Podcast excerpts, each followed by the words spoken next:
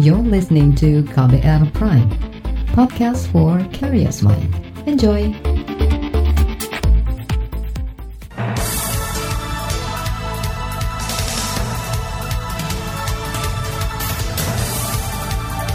Selamat pagi saudara, kembali kami menyapa Anda dengan sejumlah informasi pilihan pagi hari ini di Buletin Pagi. Saya Eka Juli. Dan saya Don Brady, kami telah menyiapkan sejumlah informasi terkini di antaranya ratusan WNI ABK World Dream telah dievakuasi ke Kepulauan Seribu. Lima orang tewas dan tiga hilang saat banjir di Jabodetabek. 200-an WNI bekas ISIS masih miliki paspor Indonesia. Inilah selengkapnya Buletin Pagi KBR.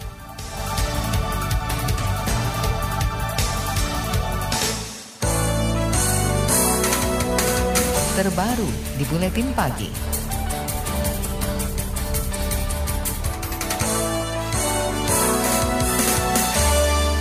Ratusan WNI anak buah kapal atau ABK World Dream telah dievakuasi menggunakan KRI Suharso menuju Pulau Sebaru Kecil Kepulauan Seribu kemarin. Sekretaris Direktorat Jenderal Pencegahan dan Pengendalian Penyakit Kemenkes, Ahmad Yuryanto mengatakan, seluruh WNI dalam kondisi sehat. Sesampainya di Sebaru, mereka akan diobservasi selama 14 hari ke depan. Begitu turun langsung kita disinfeksi, langsung kita periksa kesehatannya setelah penyelesaian administrasi, menyangkut nama, kesesuaian paspor dan sebagainya kita periksa. Sekarang sih alhamdulillah sehat semua, tetapi kan spesimen yang kita ambil untuk kita periksa di laboratorium kan baru dikerjakan malam ini karena harus diterbangkan dari Batam menuju Jakarta. Sehingga hasilnya ya nggak mungkin sekarang, kan masih diterbangkan. Dirjen Pencegahan dan Pengendalian Pengendalian Penyakit Kemenkes Ahmad Yuryanto juga menambahkan proses observasi 180-an WNI sama dengan proses observasi yang dilakukan pada WNI dari Wuhan yang dilakukan di Natuna beberapa waktu lalu.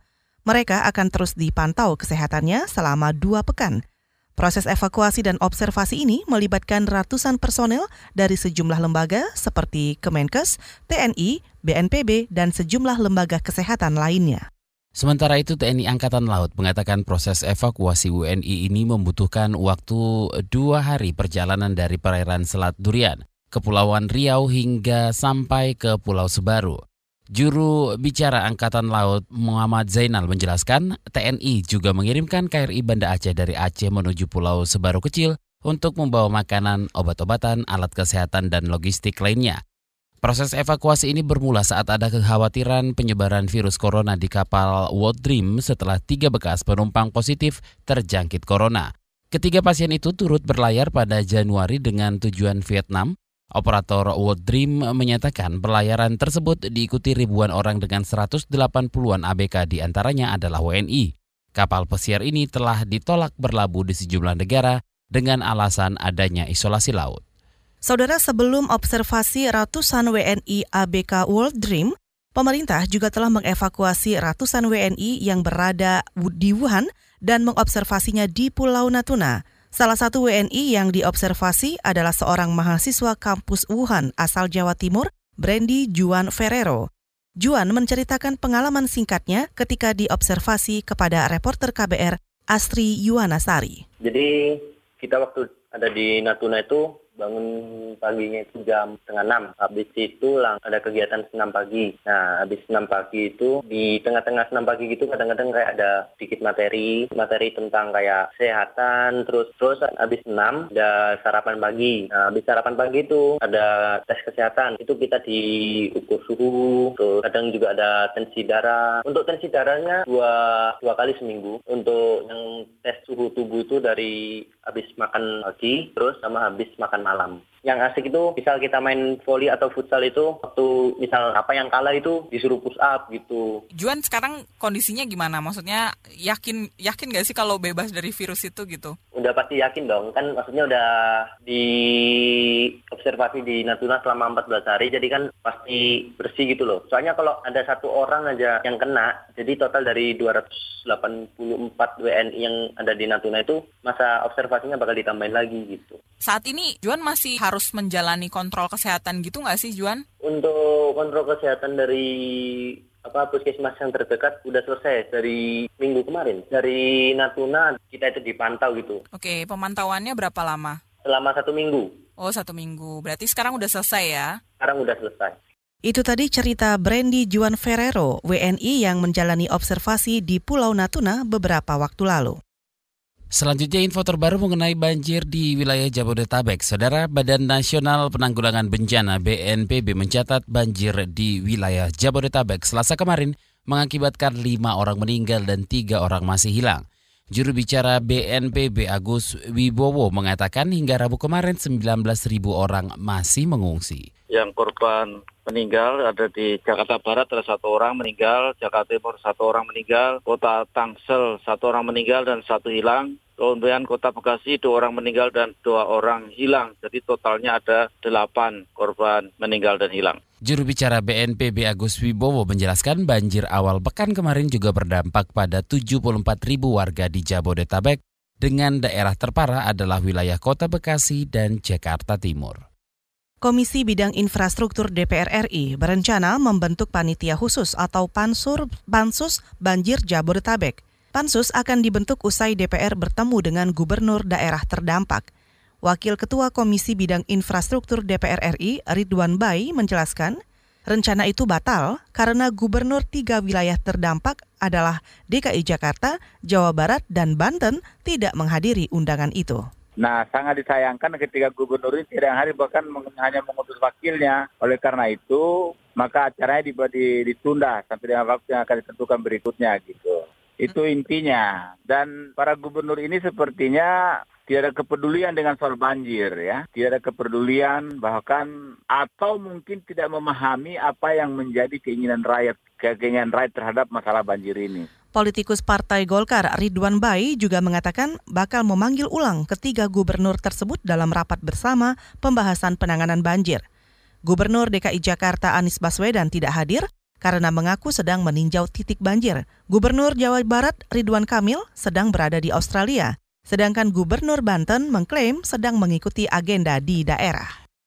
Polisi selidiki keterlibatan pegawai Batan dalam pencemaran limbah radioaktif di Tangsel. Informasinya usai jeda tetaplah bersama kami di Buletin Pagi. You're listening to KBR Pride, podcast for curious mind. Enjoy!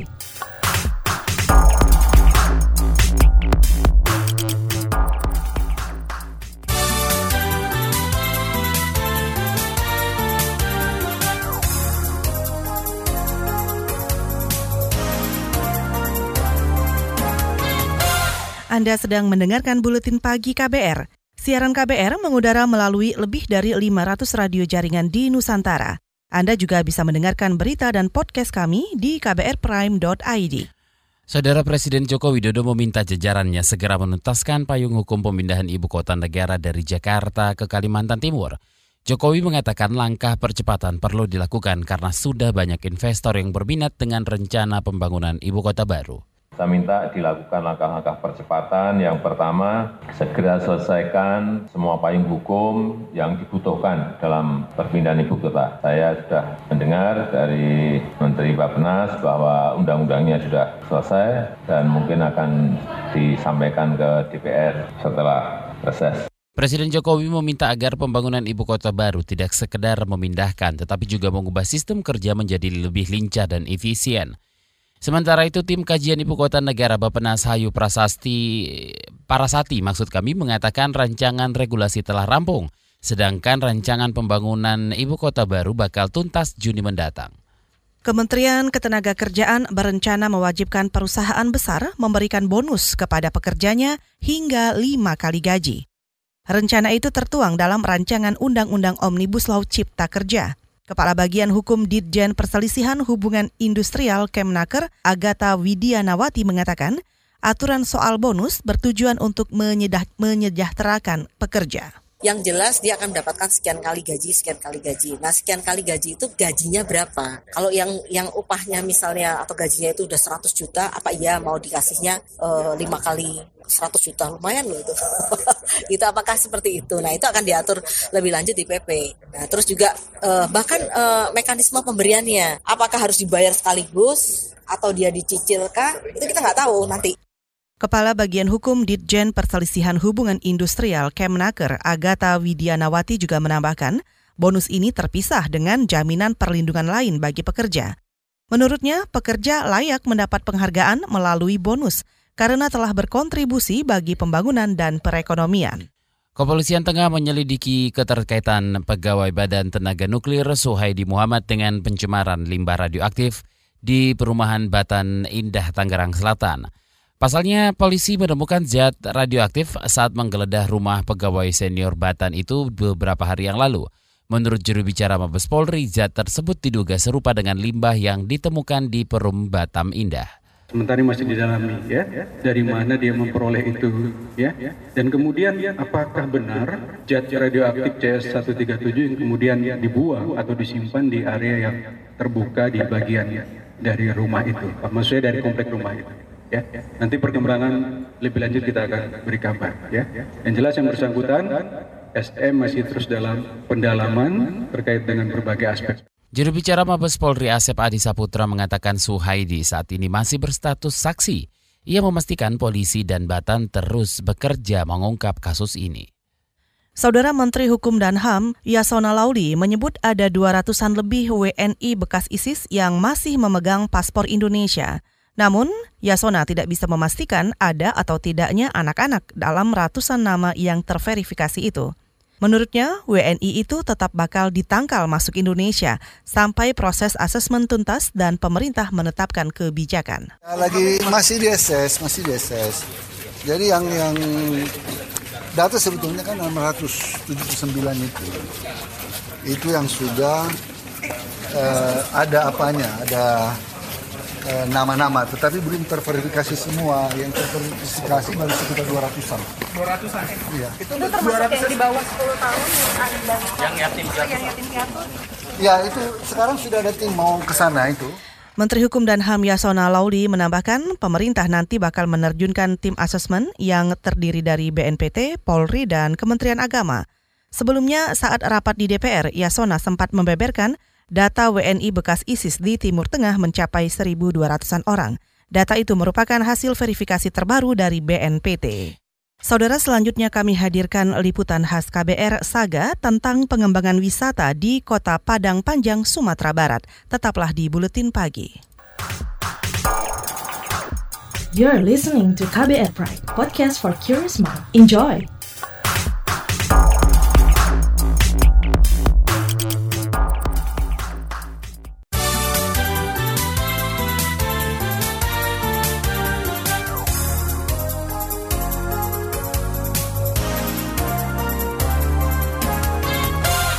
Kasih Anda masih mendengarkan Buletin Pagi. Saatnya kita simak saga KBR.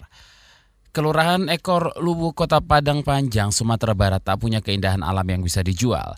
Kondisi itu tak menyurutkan Yuliza Zen untuk memajukan daerahnya untuk melalui wisata. Caranya dengan menghidupkan tradisi seperti silek lanya. Kita simak laporan jurnalis KBR Ronis Tanggang yang dibacakan Malika. Siang itu, dari kerumunan orang di pinggir sepetak sawah, tiba-tiba seorang lelaki berlari kencang. Arah larinya tertuju pada seorang lelaki di tengah sawah yang tengah memperagakan gerakan silat. Perkelahian pun terjadi. Saling pukul, tendang, sampai saling banting. Lumpur terpercik ke mana-mana. Anehnya, tak ada satupun dari kerumunan orang yang berusaha memisahkan duel maut yang juga menggunakan senjata tajam itu.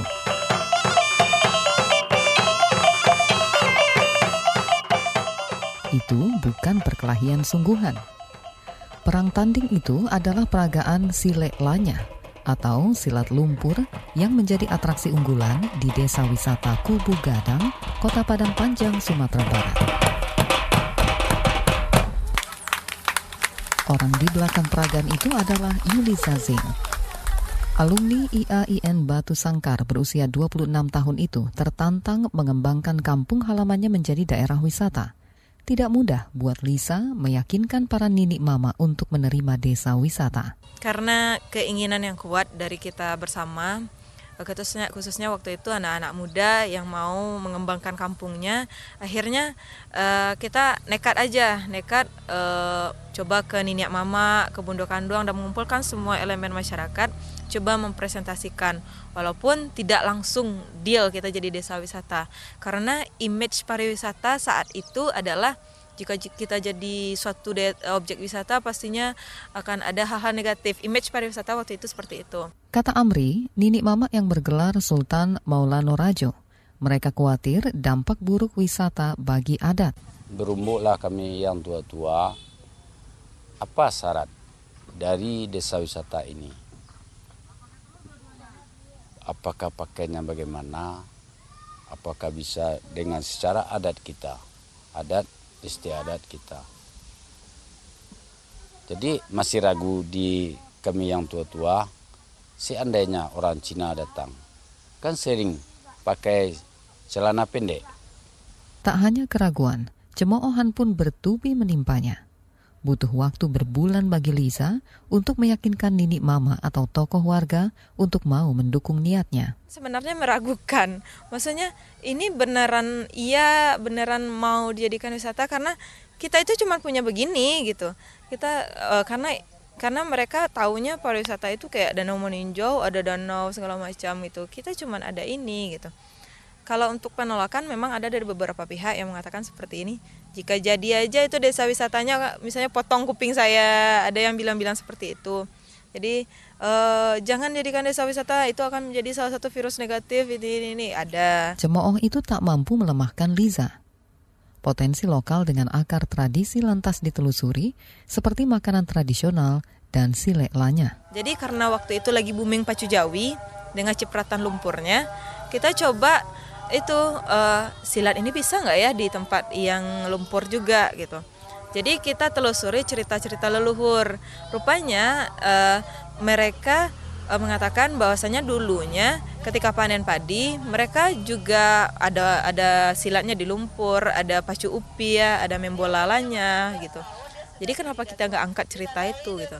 Dan dengan adanya silat di lumpur menjadi salah satu ujian juga bagi mereka untuk dikatakan bisa bersilat. Jadi nanti juga ada mungkin teman-teman yang mau mewawancarai, kenapa sih masih kecil uh, sudah jadi datua gitu.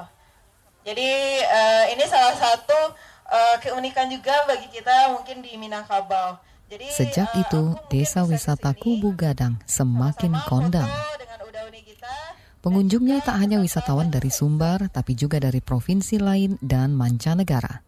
Salah satunya dari Komisi Pemberantasan Korupsi KPK. Juru bicara KPK Yayu Andriati mengatakan, tradisi itulah yang jadi alasan memilih desa wisata Kubu Gadang sebagai tempat berkegiatan pelatihan jurnalisme warga.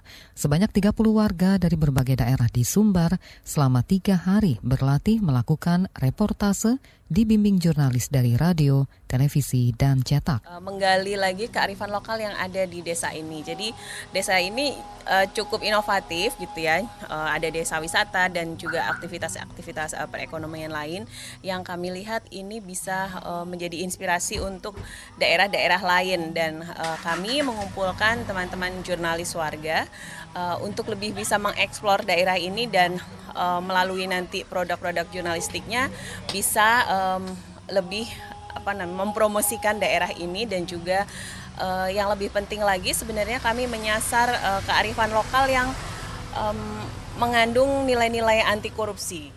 Setiap bulan, desa wisata hasil inisiatif warga itu dikunjungi rata-rata 500 wisatawan. Kunjungan makin tinggi saat musim libur tiba. Banyaknya pengunjung membuat Wirajaya Septika, Lurah Ekor Lubuk, perlu menyiapkan anggaran khusus untuk membantu pengembangan desa. Kalau untuk kelurahan itu dukungannya insya Allah ya tahun besok kita akan menganggarkan uh, sebuah rehabilitasi untuk balai desanya Kubu Gadang ini dan berupa ada juga berupa pemberdayaan masyarakat seperti pelatihan silik lanya.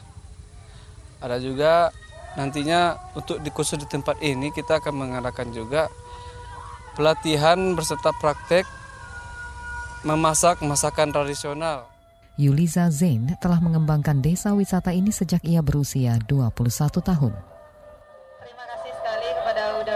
Ia berharap kehadiran desa wisata ini membuat generasi mudanya tak lagi merantau, tapi mau mengembangkan kampung halaman sendiri.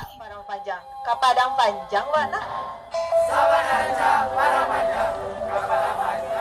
Laporan ini disusun Roni Sitanggang. Saya Malika, terima kasih sudah mendengarkan. Di Sumatera Barat. Selanjutnya kami hadirkan informasi mancanegara dan daerah. Tetaplah di Buletin Pagi. You're listening to KBR Pride, podcast for curious mind. Enjoy!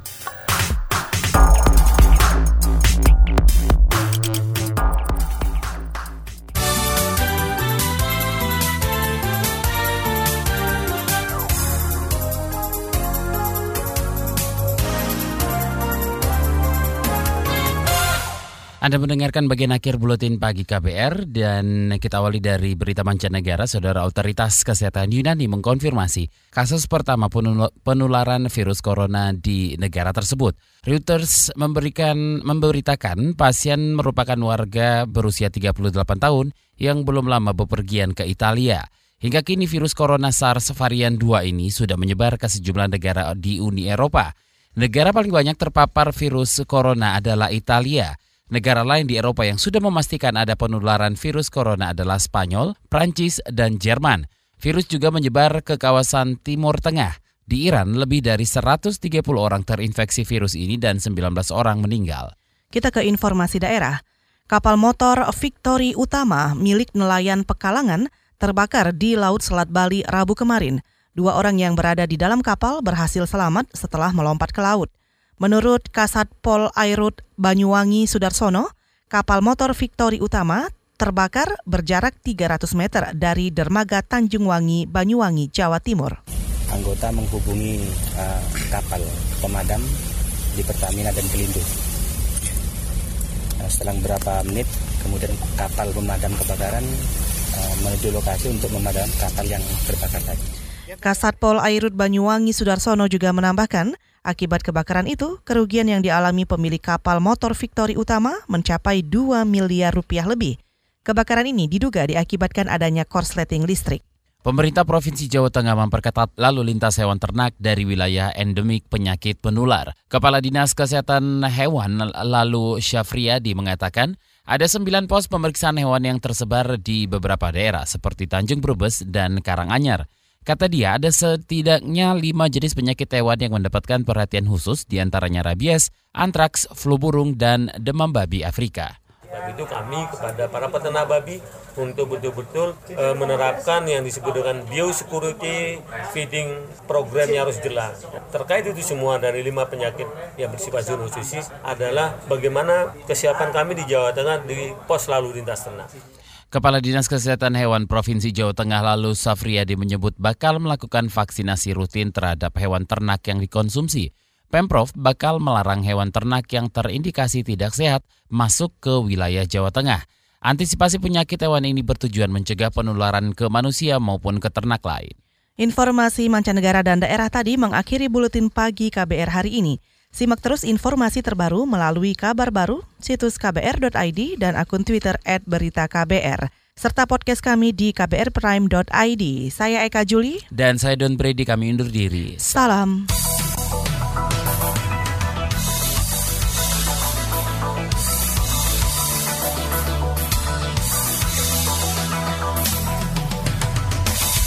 KBR Prime, cara asik mendengar berita.